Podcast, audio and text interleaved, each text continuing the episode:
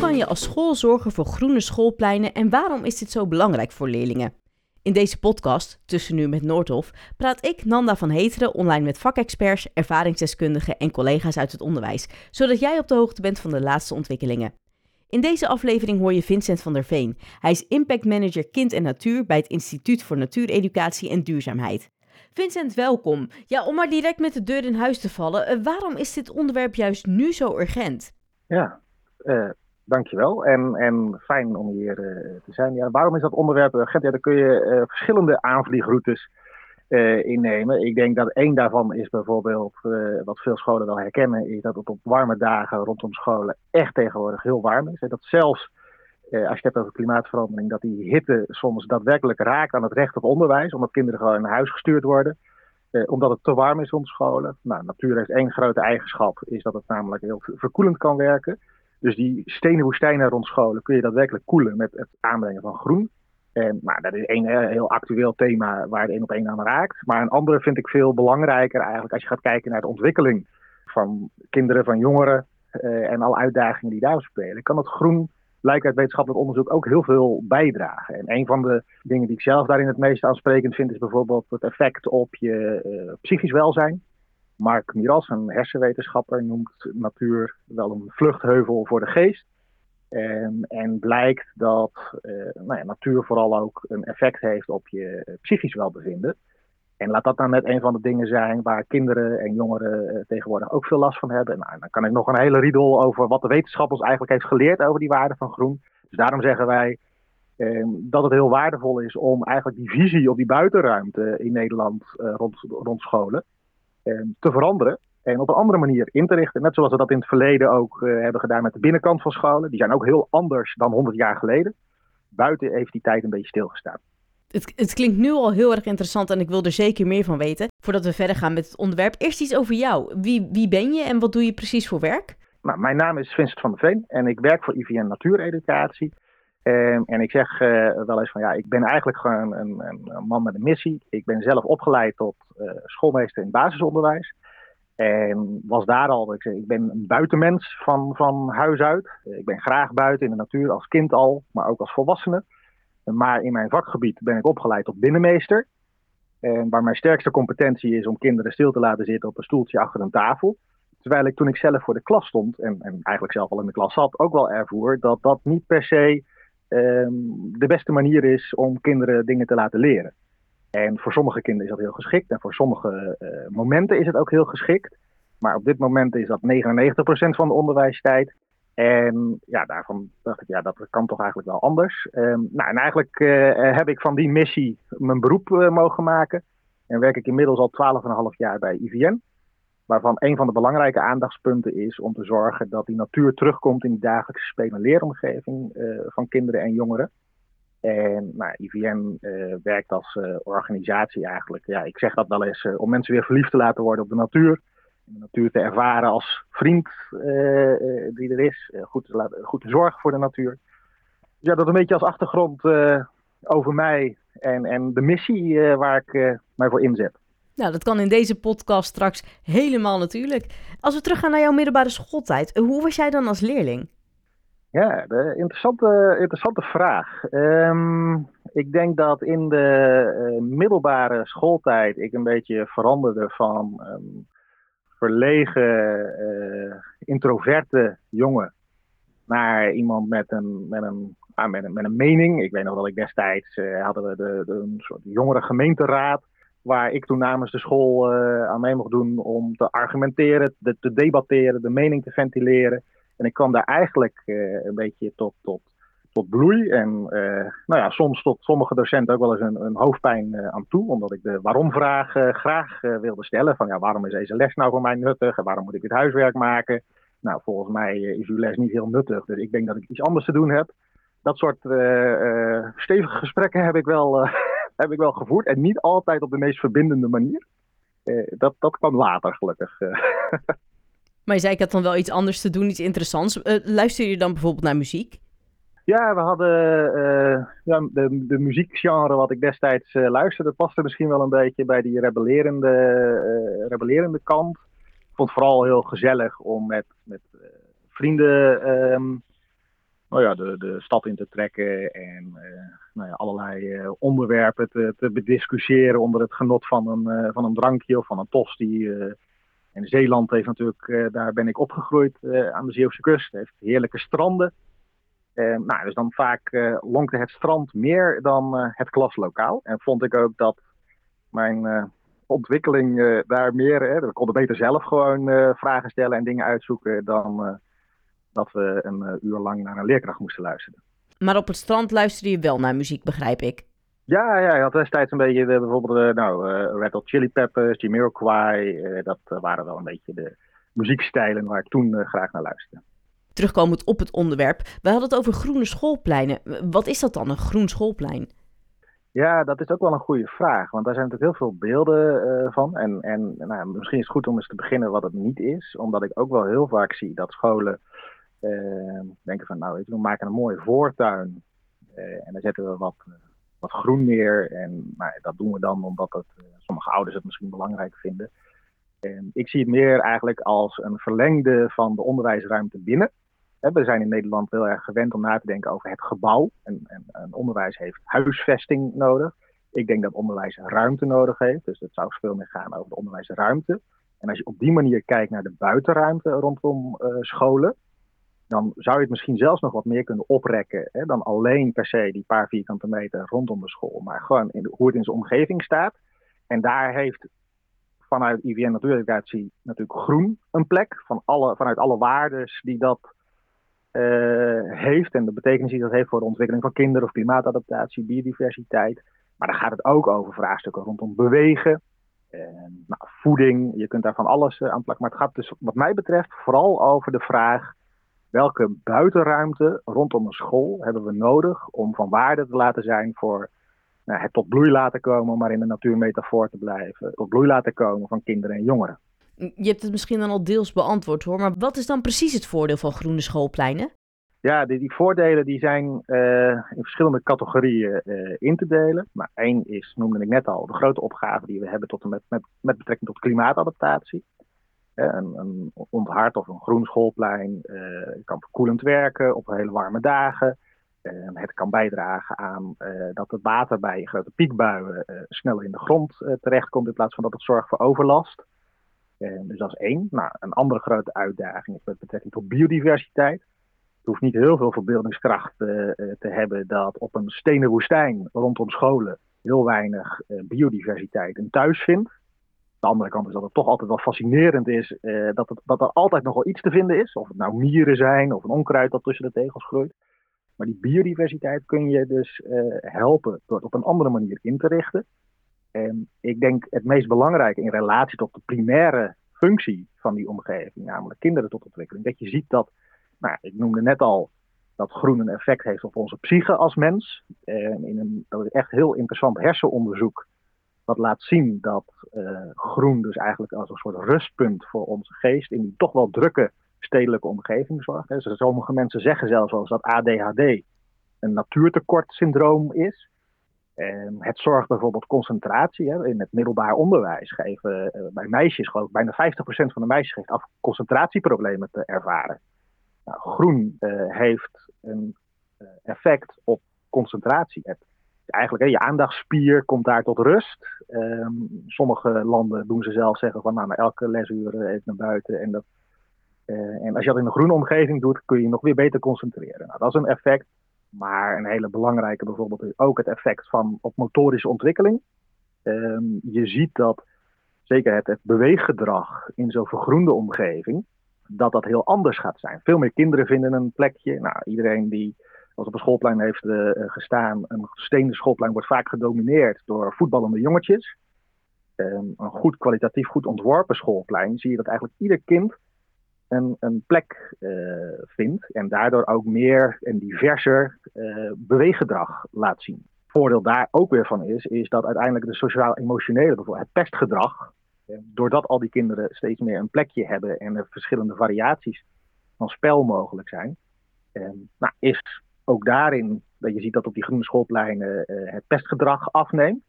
En als laatste punt zie je dat ook in relatie tot leren en op het moment dat je dat bewegend of in een reële context doet.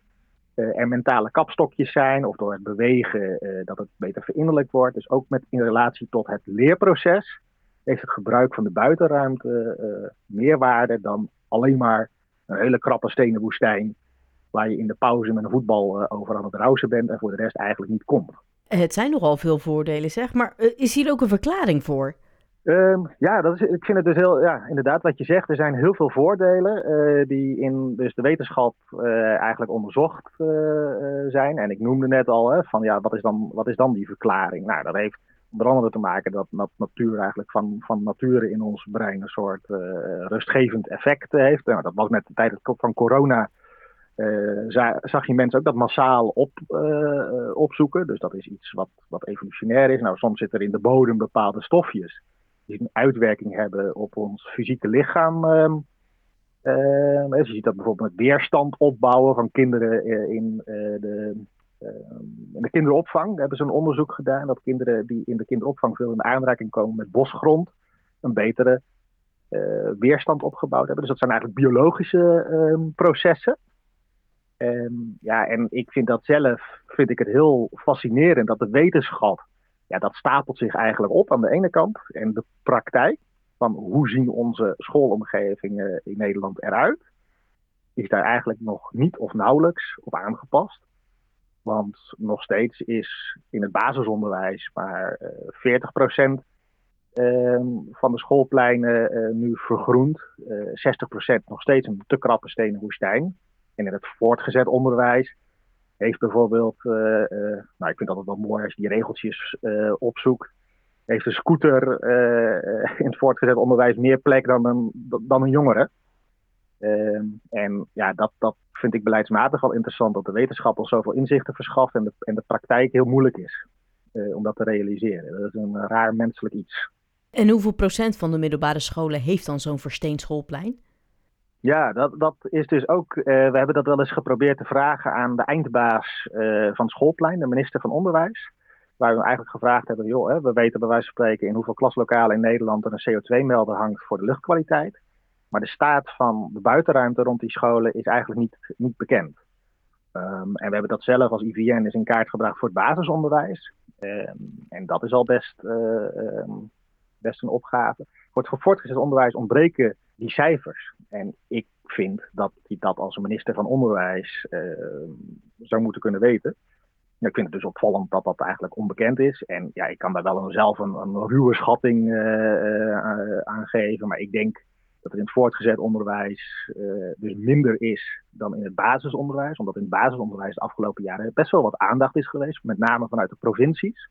Het voortgezet onderwijs kon vaak niet gebruik maken van die subsidies die daar beschikbaar waren. En dus ja, waar het basisonderwijs nu ongeveer op 40% uh, zit van scholen die vergroend uh, hebben, zal dat denk ik in het uh, voortgezet onderwijs nou misschien op 20%. Dus 80% van de, van de scholen in het voortgezet onderwijs hebben een hoofdzakelijk stenen woestijn. en dan misschien vaak nog afgetopt met een heel mooi sportveld, wat vooral bestaat uit gras dit antwoord, dit verbaast mij echt. Want als je dan kijkt naar gewoon om ons heen, dan lijkt vergroening juist heel erg hoog op de agenda te staan. Uh, je hebt het NK Tegelwippen, je hebt het televisieprogramma 12 Straten Groen. Ja, in hoeverre merken jullie dat er ook meer aandacht is voor groene schoolpleinen? Er is nog een hele hoop te winnen, zo te horen. Ja, nou dat is het positieve nieuws. Dat de aandacht die is er inderdaad. Um, en je ziet ook dat dus bijvoorbeeld de subsidieregelingen die er zijn, dat die stelselmatig overtekend zijn. Er zijn meer scholen die er gebruik van willen maken dan dat het budget beschikbaar is. Je ziet ook nog dat het vooral de scholen zijn uh, waar uh, nou ja, net wat extra capaciteit is. Ofwel doordat ouders bijvoorbeeld heel betrokken zijn. Um, ofwel doordat er gewoon uh, nou ja, rust, reinheid en regelmaat, om maar zijn oude pedagogische uitspraak uh, te gebruiken heersen. Dat, er iets wat, dat die scholen de potjes weten aan te schrijven. Dus ik vind het ook wel lastig om te zien dat er een soort van groene kloof dreigt te ontstaan in Nederland. Um, maar de hele praktische kant is dus dat er weliswaar meer aandacht is. Um, maar dat zowel de wettelijke regeltjes over hoe ziet een onderwijsgebouw eruit niet aangepast zijn op die aandacht en die wetenschappelijke inzichten. Laat staan het budget. En dus ja, hè, er wordt, vaak wordt er wel uh, heel symbolisch een mooie tegel uitgehaald. Maar als je echt gewoon kijkt van ja, we moeten een school bouwen in Nederland. En daar hebben we geld voor nodig. en we hebben daar ruimte voor nodig. Ook belangrijk in Nederland natuurlijk. Hè? Dat, dat weten we wel uit de discussie van woningbouw en boeren. Ehm, ja, dan wordt het vaak zo dat die onderwijsruimte heel erg onder druk staat. Ehm, nou, dan zetten we nog net een gebouw neer, waar ook al best wel wat veel uitdagingen zijn. Maar de buitenruimte is standaard een sluitpost uh, in de discussie over onderwijshuisvesting. En dat is in mijn ogen um, een gemiste kans als je kijkt naar ontwikkeling van kinderen en nou ja, net alle andere voordelen die ik opnoemde. En hoe zien schoolpleinen er dan uit in andere landen? Zijn ze juist versteender of, of groener? Wat zouden wij dan ook van die andere landen kunnen leren?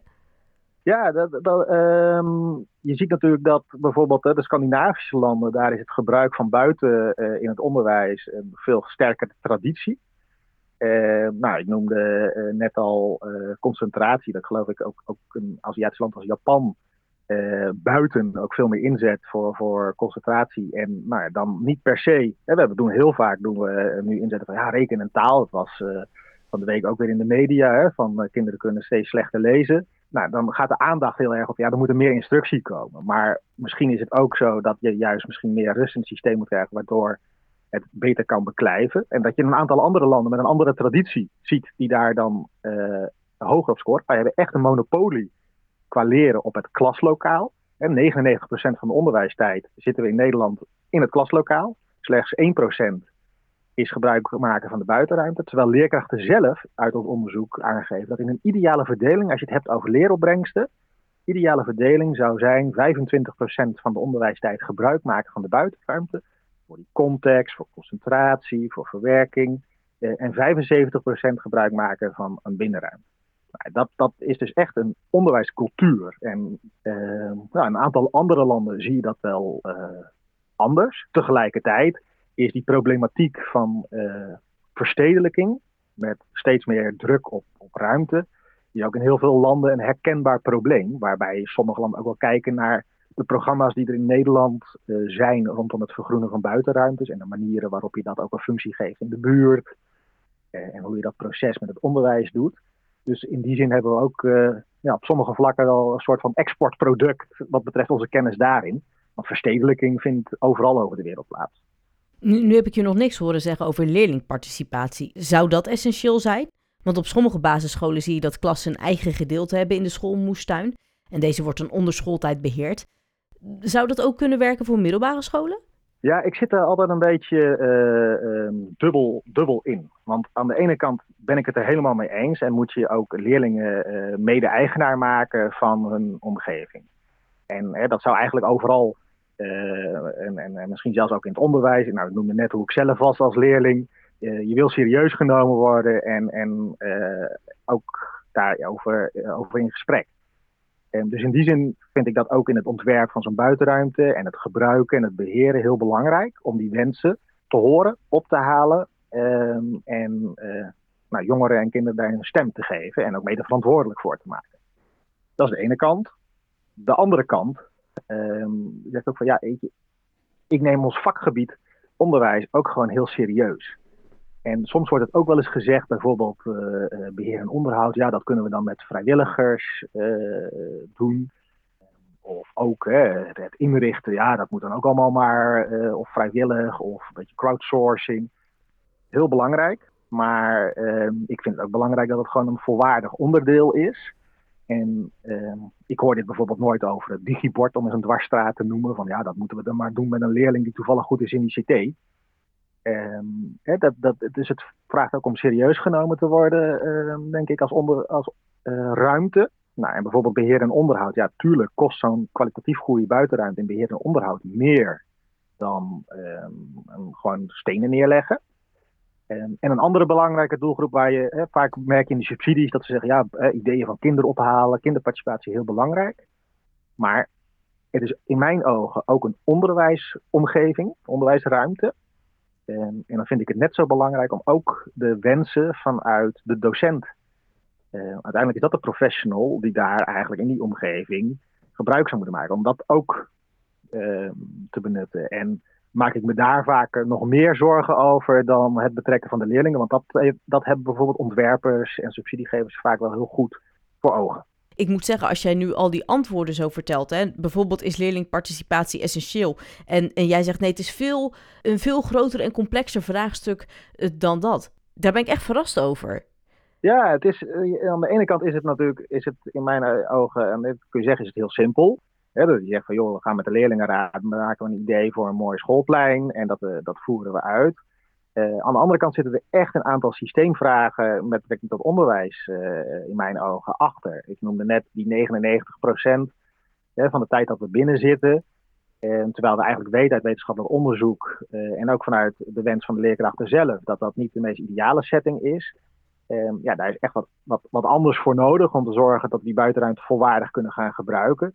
En ook in de, in de bekostiging. Kijk, het is op dit moment hebben we geld uh, om, nou nog net, hè, dus die zijn niet budget al krap om een gebouw neer te zetten. En is voor de buitenruimte nog net wat geld over uh, om daar net wat, wat stenen neer te leggen. Uh, dus ja, daar zitten een aantal echte systeempuzzeltjes in die op zijn minst goed zijn om eens te bevragen en te agenderen. en in mijn ogen eigenlijk nu ook wel noodzaak hebben om gewoon echt te veranderen in Nederland. Nou, en daar uh, proberen we ons uh, voor in te zetten als IVN. Heb je trouwens ook voorbeelden dan van scholen die zo'n mooie omslag hebben kunnen maken? Ja, dat, dat vind ik dus heel fascinerend. En dat is voor mij soms ook nog wel eens de puzzel. Van waar zit het hem nou vast in het, in het systeem? Hè? Want ook, we hebben natuurlijk in Nederland dan, dan vrijheid van onderwijs. En dan zegt het ministerie van Onderwijs, die zegt, ja, ja nou, er, er kan natuurlijk heel veel. En het interessante is ook dat er uh, op sommige plekken dus ook gewoon heel veel gebeurt. Ik, uh, nou, aan de ene kant is er bijvoorbeeld net, volgens mij was dat uh, dit jaar een school opgeleverd bij Appingedam, het Eems Delta College, waar een buitengebied van 4 hectare is gerealiseerd. met een, een, nou een soort sport, sportomgeving, een omgeving voor opleidingen die zich meer Die, meer bijvoorbeeld bezig zijn met uh, de groenopleiding, maar ook met autotechniek buiten. Plek, en dat is dan het gebruik van het dak, multifunctioneel gebruik van het dak, een stilteplek, die je ook kunt gebruiken voor onderwijs in allerlei uh, opstellingen, voor omgeving met een kas en het kweken van voedsel. Dus dat is een prachtig voorbeeld waar het ook in relatie staat tot de omgeving, maar de buurt eigenlijk in een soort parkachtige setting ook gebruik kan maken echt een heel inspirerende uh, manier van hoe dat dan gerealiseerd is. En wat, wat kleiner is bijvoorbeeld het uh, Mare College in Leiden, die ook zijn buitenruimte bijvoorbeeld weer gebruikt in relatie tot de gezonde schoolkantine. en ook gewoon met natuuronderwijs, een fijne omgeving voor leerlingen, dat helemaal vergroend heeft. Dus in die zin zie je dat vanuit persoonlijk leiderschap uh, van ofwel uh, de, de, de, directeur of docenten in, in, relatie tot de gemeente er best veel dingen mogelijk zijn. Dus dat, dat, is, dat vind ik dan inspirerend. Want het kan wel. Um, tegelijkertijd zie je dus ook dat er in heel veel. Ja, ik heb regelmatig gefrustreerde uh, schooldirecteuren aan de lijn die zeggen: Ja, ik wil het wel. Maar dan kom ik bij de gemeente en die zeggen: Ja, we hebben daar geen budget voor. Of mijn college van bestuur wil het niet. Uh, nou, de hiccups in de bekostigingssystematiek van de buitenruimte, de wet en regelgeving. Het is geen, hè, waar bijvoorbeeld een, een nou ja, ik, soms gaat het bijna zo ver als de deurklink, wijze van spreken, vervat is in allerlei normen en regels. Is dat voor de buitenruimte gewoon, ja, weet je, we moeten volgens de regeltjes uh, maximaal, uh, geloof ik, in het voortgezet onderwijs 0,8 vierkante meter per leerling realiseren. Ja, en daar staat niet zoveel over kwaliteit. Dus ja, we leggen daar gewoon stenen neer, want daar hebben we dan nog net geld voor. En, dus het zit, uh, ja, dat, dat is wel de interessante puzzel van waar zitten nou echt de hefbomen die we uh, moeten veranderen. En uh, ja, dat, dat is denk ik iets voor de komende periode. En ik hoop dus dat het bij het ministerie van Onderwijs ermee begint om aan te geven van ja, maar wat is dan die kwaliteit? Wat is de status van de buitenruimte? en misschien ook juist vanuit het onderwijs zelf, om, om daar ook actiever uh, op, op te agenderen. Want nogmaals, ja, ik vind zo'n buitenruimte minstens zo belangrijk als een CO2-melder in elke uh, klas. Als ik kijk naar de wetenschappelijke inzichten die er zijn over de waarde van ontwikkeling uh, voor kinderen. Stel hè, dat die groene schoolpleinen er komen, wie moet ze dan onderhouden? Ja, dat is natuurlijk een heel belangrijk aandachtspunt. Dat zien we ook best wel vaak misgaan op dit moment. Hè, dat er nu natuurlijk aandacht is voor de, de aanleg. En dan is er zo'n schoolplein. En, ja, en, en, zeker het groen heeft de onhebbelijke gewoonte om te gaan groeien en bloeien. Dus ja, daar moet je iets mee, dat moet je beheren. En die kosten zijn hoger dan de kosten als het alleen maar een stenen woestijn is. En nou, nou wordt er vaak gezegd van, joh, we, uh, dat doen we dan met vrijwilligers. En ik zie ook heel vaak subsidieaanvragen van scholen voorbij komen. Er staan daar ook grote ambities in. Van, nou, we hebben uh, samen met leerlingen, samen met vrijwilligers. Ja, dat maakt het heel kwetsbaar. En als je gewoon het even uh, zeg maar planmatig hè, bekijkt, als jij zou zeggen van, joh, ik heb maatschappelijk vastgoed, wat een school natuurlijk is, en dat ga ik beheren met vrijwilligers. Ja, het is, het is best kwetsbaar. dat is geen hogere, hogere wiskunde.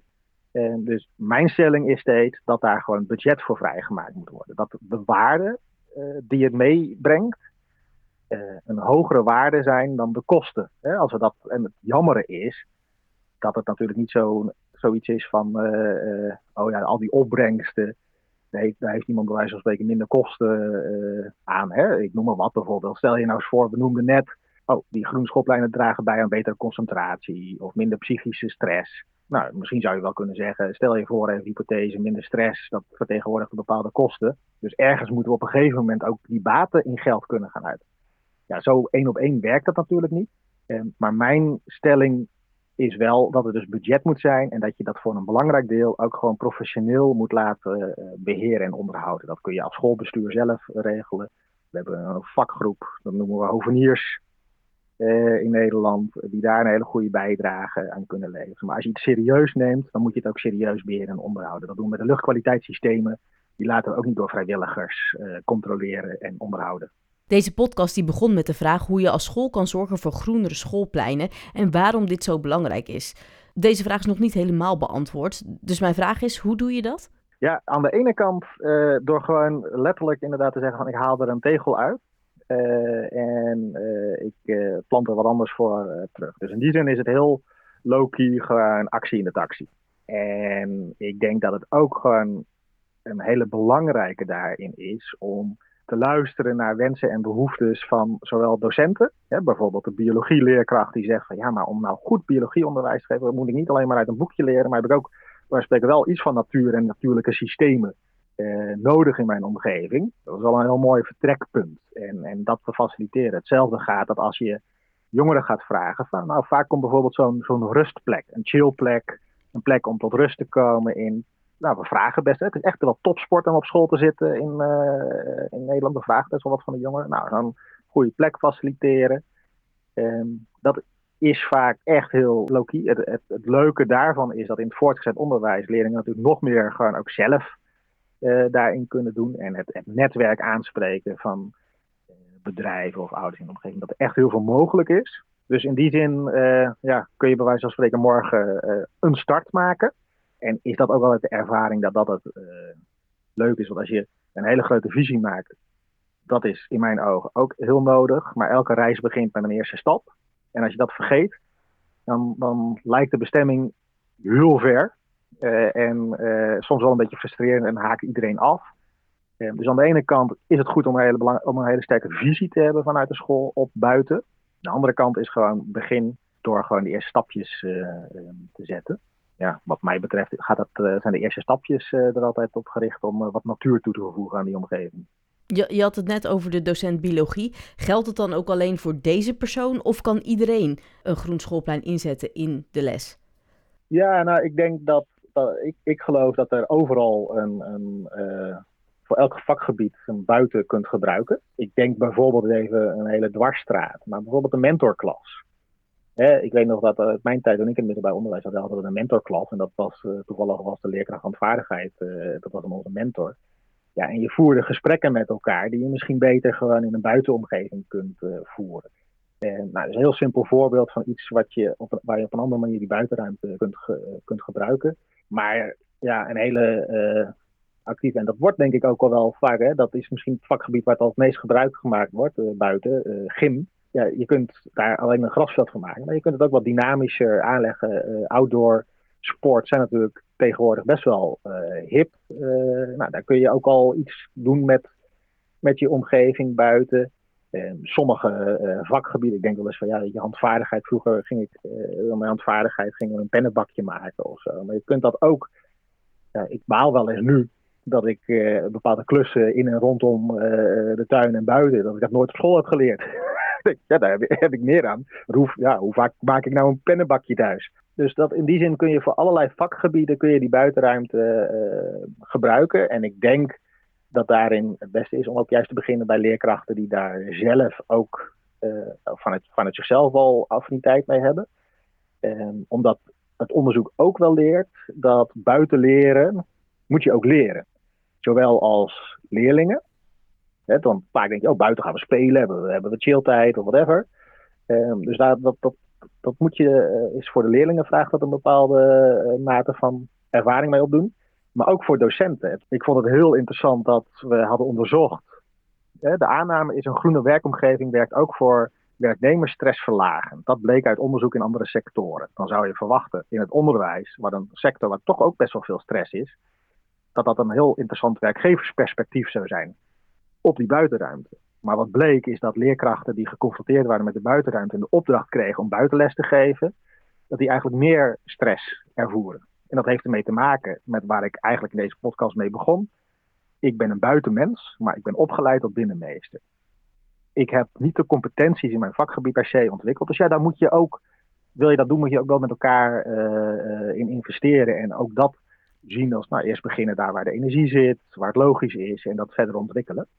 Want anders wordt het vooral weer een eh, extra hoofdpijndossier in het onderwijs. We moeten opeens nu naar buiten. Dat uh, moet het volgens mij niet worden. Nee, dus als je kijkt naar drie concrete tips voor onderwijsmedewerkers voor een groener schoolplein, is het dat je moet beginnen met mensen die de affiniteit mee hebben. Uh, dat je echt moet beginnen met stap 1 en dan zie je daarna wel. Zijn er nog andere tips of bijvoorbeeld subsidies of bestaande actieplannen en, en hoe zet je dat dan verder op? Ja, ik denk dat uh, nou, wat, wat mij oprecht altijd verbaast, en dat zeg ik ook vaak tegen gemeentes, is uh, juist hè, met allerlei acties, ik noem maar wat, uh, of nou een sponsorloop is heel klassiek, maar ook soms juist dingen verkopen. Het ondernemende, dat dat in het onderwijs, wat wij in ieder geval zien, dat dat vaak toch wel leidt tot ongeveer 25% van de opbrengst om de kosten te dekken. Uh, dus dat is al één ding, om gewoon op die manier heel ondernemend en activerend bezig te zijn, dat heel concreet te maken en dat je daar best wel veel in uh, kan doen. En uh, nou, dat, dat, is denk ik één eh, tip van onderschat gewoon niet je eigen kracht die je daarin hebt. Onderwijs is echt best wel een sterke community. Ehm, kijk, voor het basisonderwijs zijn er best wel veel potjes, hè, nou, bij provincies zijn. En het is mijn grote frustratie dat het best ongelijk verdeeld is, maar er is best wel wat financiering.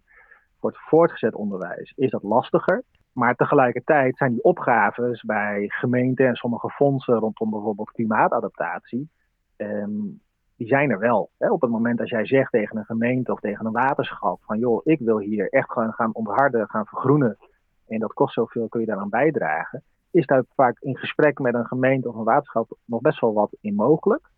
Um, dus ik zou dat ook gewoon actief uh, um, opzoeken.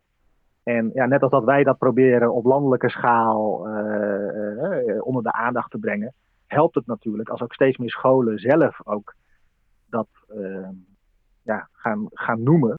Ik zeg wel eens van, het is de feest democratie die we net ook weer hebben mogen zien. Als wij als bevolking iets belangrijk vinden, dan gaat de politiek het ook belangrijk vinden. En dat geldt dus ook bij dit onderwerp. Dat betekent ook dat je je erover moet uitspreken en jammere is dat dat niet een quick fix is. Dat betekent niet dat je morgen gelijk opeens uh, geld op je rekening uh, hebt. Maar het begint er wel mee door aan te geven van ja, dit vinden we belangrijk. En dan geloof ik dat langzaam ook uh, dat gaat doorcijpelen naar politiek. En dat er ook geld en middelen uiteindelijk beschikbaar zullen komen. Je bent op jouw manier heel betrokken bij de onderwijssector. Het is natuurlijk een vakgebied waar heel veel goed gaat en ook heel veel voor herhaling vatbaar is. Als jij nou de onderwijsminister zou zijn, wat zou je dan veranderen en hoe zou je dat doen en waarom? Ja, dat is natuurlijk dat, dat uh, heb ik uh, af en toe die discussies met vrienden die ook de PABO hebben gedaan, hebben natuurlijk wel eens van als ik de baas zou zijn van dit journaal. Ik vind het eigenlijk niet uitlegbaar in deze tijd dat je als minister niet weet wat de staat van de buitenruimte rondom scholen is. En dat het zo'n verwaarloosbaar stukje is. Dus als ik minister zou zijn, zou ik naast het oplossen van uh, lerarentekort en, en uh, alle vraagstukken die je daar moet doen, zou ik ook die buitenruimte een centralere plek in onderwijshuisvesting geven. En zou ik twee dingen doen. Eén, in kaart brengen wat op dit moment status is. En twee, zou ik scholen helpen en gemeentes om ook die transitie te maken. Net zoals we dat bij wijze van spreken wel eens gedaan hebben met het krijtbord. Toen ik van de Pabo kwam en voor de klas kwam te staan, hing er in elke klas ongeveer nog een krijtbord. En in no time zijn die vervangen door digitale borden. Nou, die digitale borden die zijn duurder dan een krijtbord. Toch hebben we dat gedaan uh, in Nederland, omdat we het belangrijk vonden voor de ontwikkeling van kinderen en modern onderwijs. Dit is in mijn ogen ook gewoon een transitie. Uh, die op het moment, als je dat aandacht geeft, in één schoolgeneratie, acht jaar in het basisonderwijs uh, kunt doen. Maar dat vraagt wel een minister uh, met een visie die een stip op de horizon zet en partijen daarop samenbrengt en organiseert dat dat uh, gebeurt. En tot op heden ontbreekt dat bij de minister van Onderwijs. Dus dat zou ik graag veranderen. Vincent, dankjewel voor dit interessante en leuke gesprek. Graag gedaan. Vind je deze podcast nou leuk? Beoordeel hem dan, zodat andere mensen hem ook kunnen vinden.